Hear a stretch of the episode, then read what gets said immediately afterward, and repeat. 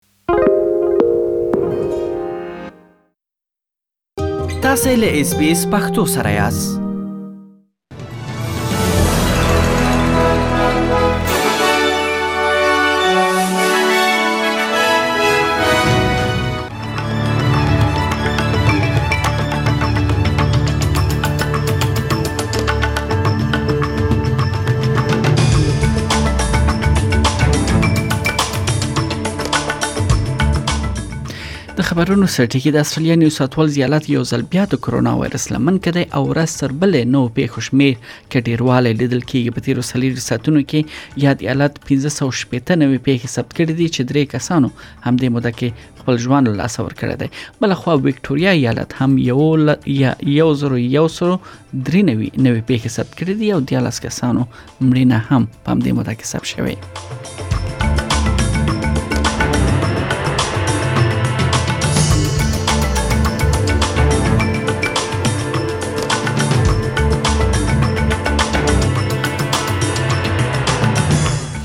بلخوا د کابل لویدیځ کې چاودنې لږ تر لږه دوه کسان وژلي دي او پنځه نور ټپیان دي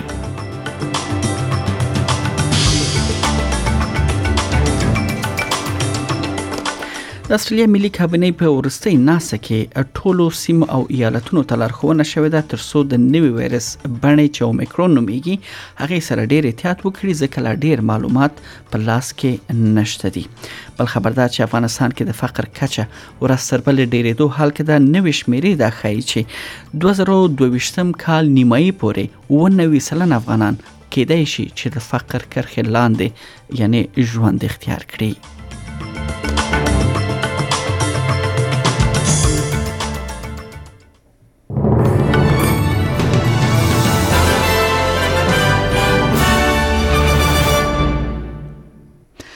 هم بشپړ خبرونه د استرالیا نیو ساوت ویلز ایالت یو ځل بیا د کرونا وایرس لمن کړی او را سربلې نو پیښو شمیر کې ډیروالی لیدل کیږي یاد ایالت په تیرو سلیری ساتونو کې د کرونا وایرس 1514 نوې پیښې او درې کسانو مړینه ثبت کړې ده له اکتوبر میاشت نهمې نېټې وروسته دا لومړی ځل دی چې په دومره شمیر پیښې ریکارډ کیږي سیدنی ښار کې دویمه ورځ ده چې له 1500 څخه ډېرې پیښې ثبت کیږي بل خو د کرونا وایرس نوې بڼه چې اومیکرون نوميږي هم ټولنه غړو ترمنځ خبرېدو حال کې ده د یاد ایالت روغتیا چارواکي وایي دا چې د رخصتۍ وخت دی او خلک ډېر سره راټولېږي نو نو پیښو شمیر کې به د پام وړ ډیروالی راشي ویکټوریا ایالت بیا په تیرو څلوېښت ساعتونو کې یو زرو یو سلو درې نوي نوې پیښې ثبت کړې دي او دیارلس کسانو بیا خپل ژوند له لاسه ورکړی دی دا مهال ویکټوریا ایالت کې یولس زره او څلور سوه فعاله پیښې شتون لري ویکټوریا ویکټوریا ایالت کې له 12 کلنو ډیر کسان 92 سلنه اوس بشپړ واکسین شوي دي بل د استرالیا ملي کابینه خپل ورسي ناسه کې د کرونا وایرس پر سر خبرې وکړې او ایالتونو مشرانو ته لارښوونه وشوه چې دوی باید وایرس نوې بڼه سره ډیر احتیاط وکړي ځکه لا اوس هم یاد وایرس په اړه ډیر معلومات په لاس کې نشته د وایرس نوې بڼه په اړه ویل شوې دي چې ډیر ساري دی او خلکو کې ډیر چټکۍ سره خبريږي ولې دا هم ویل شوې دي چې نوې وایرس دا ډیره یعنی شدیده ناروغي نه رامنځته کوي د استرالیا لومړي وزیر ټو جی بي رادیو سره خبرو کې ویل لیاد وایرس سره مقابله تر ټولو غوره لار د وایرس یعنی واکسین چې دی هغه دریم ډوز یا بوستر شاټ اخیستل دي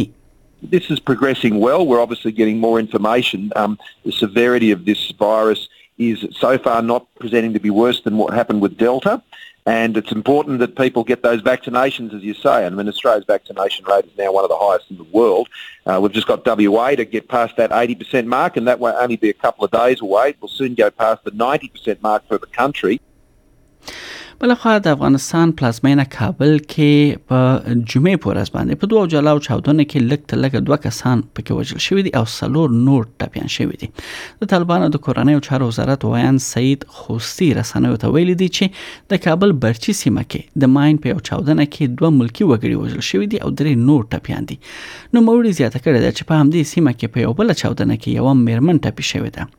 ولې تر اوسه د یعنی کوم کس او یا کوم ډلې یادو بریدونو مسولیت نه دی منلی دغه د بي بي سي پښتو ویب پاڼه لمخه بل خو افغانستان کې د فقر بحران چې دی ډیر افغانان اغیزمن کړي دي او زینو میرمنو بیا خپل ماشومان خرڅولو ته مخه کړې ده تر څو خپل نور ماشومان ته خواړه برابر کړي د ملګرو ملتونو اداره وایي راتلونکي کال نیمایي پورې و نوي سلنه افغانان به د فقر کرخې لاندې ژوند وکړي ویل شوی دی چې راتلونکو میاشتو کې یو میلیون افغان ماشومان کېدای شي خپل ژوند لاسه ورکړي چې دا تیر شل کلونو جګړې دوران کې کاغې سره پرتله شي نو تر ټولو ډیره مړینه ګڼل کیږي د سیف د چلډرن استرالیا څنګه مشر وایي کله چې یو مور خپل ماشوم خرڅولو ته اړ شي نو دا د نړۍ په سطح باندې تر ټولو سخته پریکړه وي چې ورسره یو څوک مخ کیږي 5 million children on the brink of starvation. That is the entire population of Melbourne on the brink of starvation as a child in Afghanistan right now. a million children could lose their lives this winter in Afghanistan. That's the population of Adelaide. These are just extraordinary numbers, and we really need the world to pay attention to Afghanistan right now. بل خبر دا ده چې په پونیوګینی کې د استرالیا کډوالو توقیف ځای څخه شپږ کډوال له اتو کلونو توقیف وروسته کاناډا قبول کړي دي د هغوی کاناډا کې میشتېدنه ډیره کې د مدني ټولنو له کلک فشار وروسته تر سترګو کیږي ویل کیږي چې په کاناډا کې داسې یو سیستم دی چې دوی کولای شي چې له بهر توقیف ځایو څخه دوی کډوال سپانسر کړي نو همدا ده چې وکسان په ټوله کې دوی یعنی کاناډا کې میشوي دي بل د ناتو جنرال سیکریټری پر روسیې باندې غږ کړی دی چې د یوکرين یعنی د پولو تر سیرمه باید حالت چې رامنځته شوی دی هغه تر کنټرول لاندې راوړي خغلی جنز دا ویل دي چې د یعنی روسیه باید ډیپلوماسي ته مخه کړي او له زور څخه کار وانخلي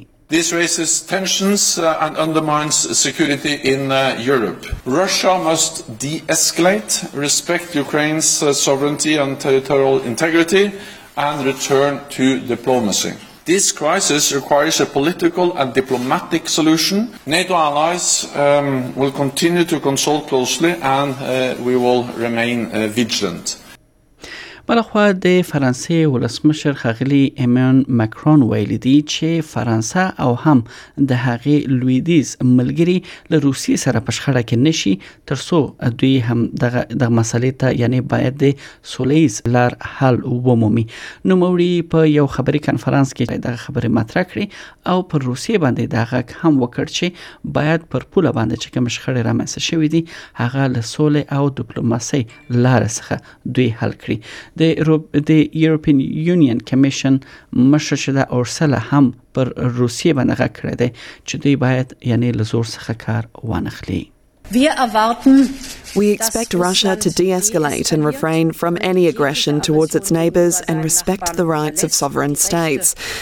Otherwise, the European Union is ready not only to tighten existing sanctions, but also to take new tangible measures in other fields, from economy to finance. sondern auch neue spürbare Maßnahmen zu ergreifen in anderen Feldern von Wirtschaft bis Finanzen.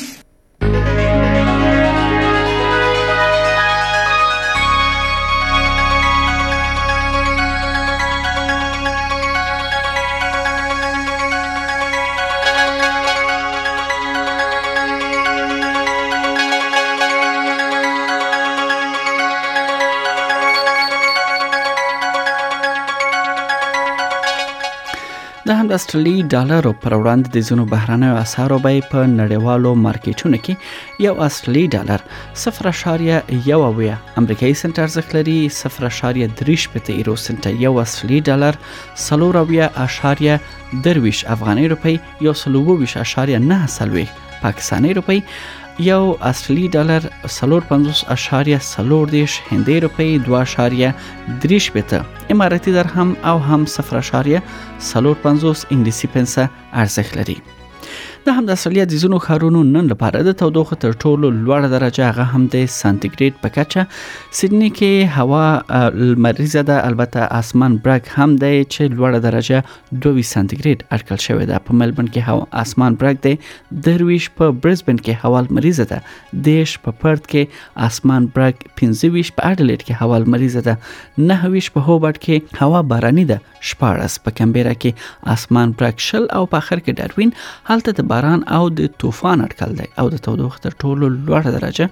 15 سانتي ګریډ اټکل شوې ده قدرمن اوریدونکو له اس بي اس پښتو خبرونه څخه د ورځې تازه خبرونه ته غوږ وي لنډه د ملرو او د میروس نور په زړه پورې مطلب لرم تاسو د ټولو اوریدو ته مې ملتیا وکړئ